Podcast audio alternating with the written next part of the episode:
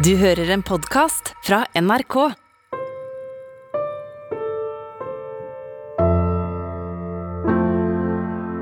Hei, Kristine. Hei. Du er produsent i denne podkasten der vi deler dikt hver uke. Mm. Eh, men jeg har ikke delt dikt med deg enda. Og nå kommer det? Eh, nå kommer det. Altså, vi har snakket masse om dikt, men jeg har ikke liksom delt diktet med deg. Og så har jeg grudd meg, fordi at jeg har merket at du er veldig ærlig og tydelig når det er noe du ikke liker. Og ting som kanskje kan være viktig for meg, det er et skuldertrekk. For deg, og det er det egentlig det skumleste når man skal dele dikt. Folk som ikke jatter med i det hele tatt, selv om de ikke skjønner ting. Eh, så jeg har lest gjennom veldig mange diktbøker på jakt etter det riktige diktet, Eh, og nå er jeg jo helt motsatt eh, enden av skalaen, for nå er jeg jo rammet av hybris. Nå har jeg fått altfor sterk tro, antagelig, på det diktet jeg har funnet til deg, at det skal treffe. Nå er du helt sikker på at jeg kommer til å bryte sammen i krampegråt? Nesten. Det er et uh, dikt av den norske poeten og forfatteren i det hele tatt, Gro Dale. Åh, det, jeg pleier egentlig ikke å bli sånn kjempekrampegråt av henne, men det er så mye sånn vafler og brystmelk som kommer opp. Uh, ja, ikke sant? Fordommer er noe vi må jobbe med alle sammen. Og nå kommer det et dikt av henne som heter Datteren min vokser ut av hendene mine. Er du klar? Ja.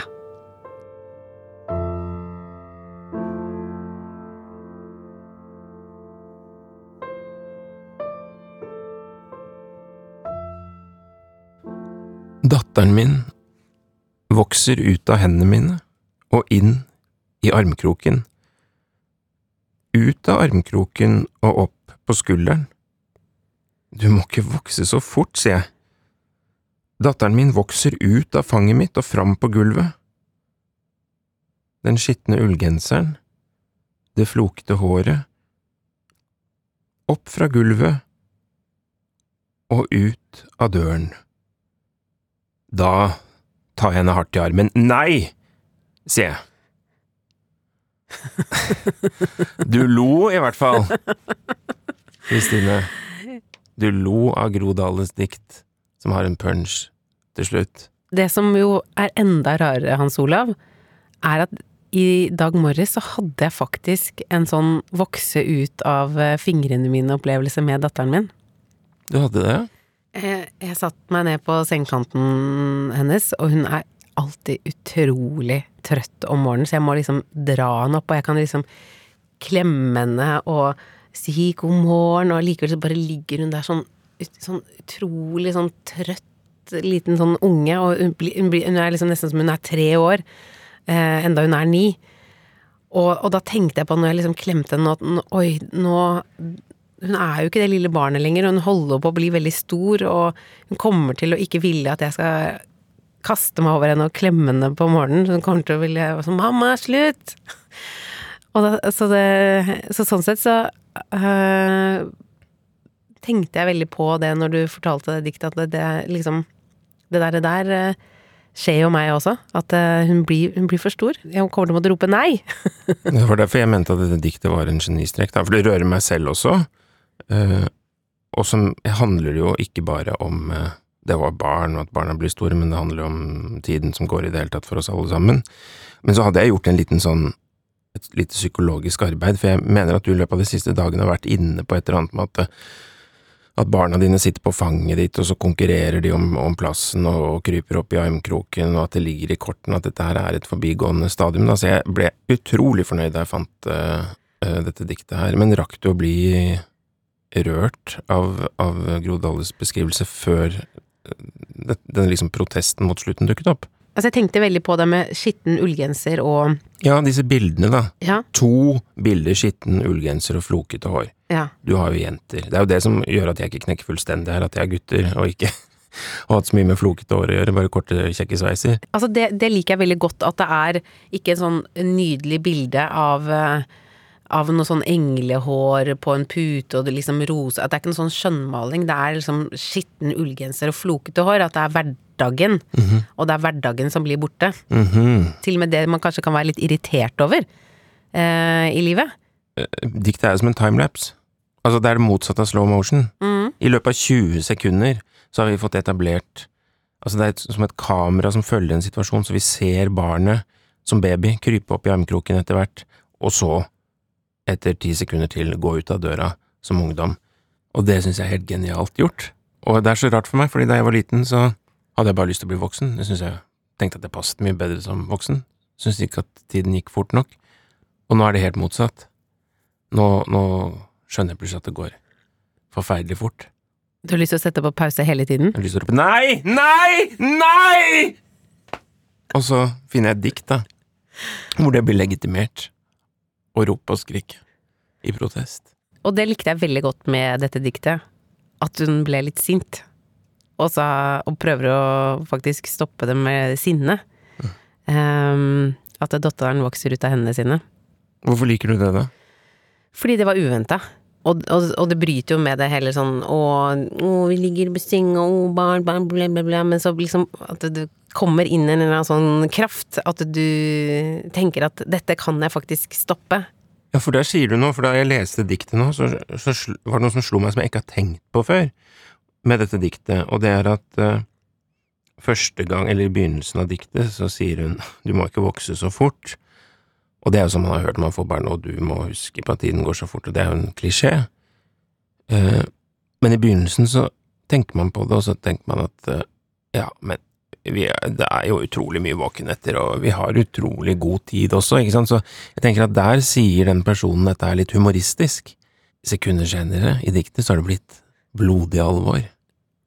Og så kommer den protesten, da, som du snakker om, som er så fin, eller meningsløs.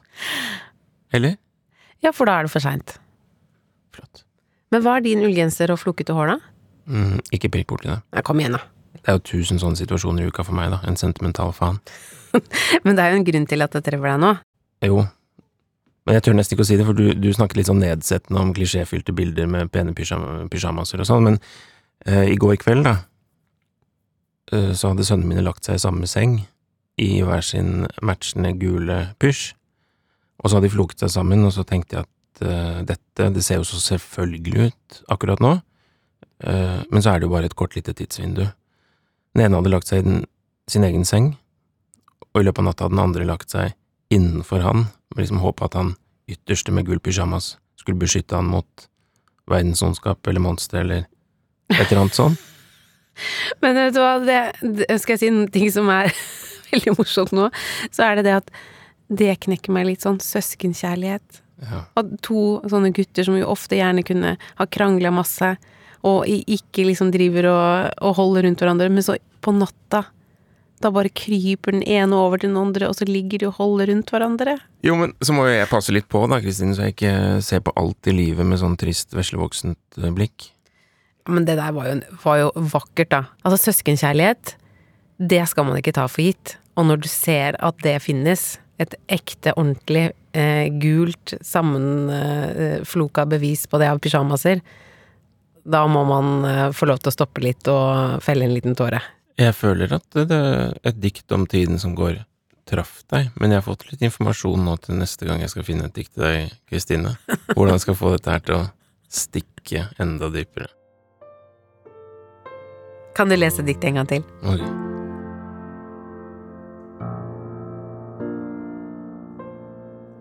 Datteren min vokser ut av hendene mine og inn i armkroken. Ut av armkroken og opp på skulderen. Du må ikke vokse så fort, sier jeg. Datteren min vokser ut av fanget mitt og fram på gulvet. Den skitne ullgenseren, det flokete håret, opp fra gulvet og ut av døren. Da tar jeg henne hardt i armen. Nei, sier jeg.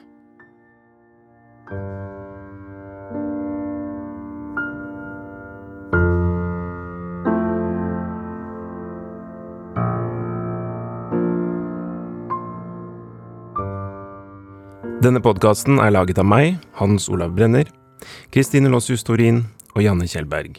Redaksjonssjef Ingrid Nordstrand.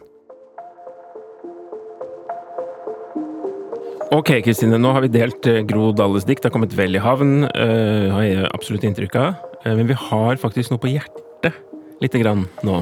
Vi har faktisk eh, en liten drøm som du som hører på kan være med å oppfylle. Eh, og det er at du skal ta tak i en skeptiker. En sånn som meg. En diktskeptiker? En diktskeptiker. For at vi vet jo at det finnes. Ja, det har vi jo virkelig erfart med denne podkasten. Rett og slett ta, også, ta en av episodene fra Brenner eller dikt, og så sjekk om det kan være noe for dem. Ja, eh, men, og, og, da kan man jo da For vi har ganske mange episoder liggende ute, så man kan jo gå eh, etter hvilket dikt man tenker passer for den enkelte, eller hvilken gjest som kunne være interessant å høre snakke om dikt. Og så er det jo sånn at det, det er jo litt som du vet veldig godt, Hans Olav, at det er litt sånn risiko å dele litt dikt, for det er jo ikke sikkert at det treffer. Men hvis det gjør det, og, og det følte jeg litt skjedde nå, da, da du delte med meg, eh, så er det jo litt sånn magisk. Og det unner jo i hvert fall jeg alle diktskeptikere. At de får en sånn magisk opplevelse. Det er sant. Man blir litt salig i denne podkasten for lyst til å si takk for at du delte. Og den slags. Um, ja, så ikke bare tenk, uh, men gjør det. Uh, anbefal det videre. Ta opp telefonen, send en episode av Brenner eller dikt til en skeptiker, så kanskje flere oppdager noe fint og får et nytt favorittdikt. Det er altså bare å trykke på de tre prikkene øverst til høyre Eh, og så trykk på del og send episoden videre. Jeg sier dette litt omstendelig fordi jeg akkurat uh, har skjønt det selv. Jeg, uh, for eksempel, har jo begynt å dele et kjærlighetsdikt, som var det derre som din venn Mattis Herman Nyquist delte med deg i den episoden som heter To menn og et kjærlighetsdikt. Så jeg delte med opptil flere folk som skal gifte seg. Jeg tvang til og med deg til å lese det i mitt eget bryllup, til og med. Ja, det syns jeg var veldig nervepirrende og skummelt. Og jeg merket faktisk da jeg sto der og skulle lese dette diktet, eh, at jeg begynte å skjelve skikkelig i beina. Så jeg måtte anstrenge meg for å puste dypt. Og så så jeg veldig mange fine ansikter rundt, eh, og mange som gråt. Så diktet hadde absolutt effekt på publikum, så da ble jeg litt eh, roligere. Men da har vi altså fått frem budskapet. Del episodene videre, og hyll kjærligheten så ofte dere kan.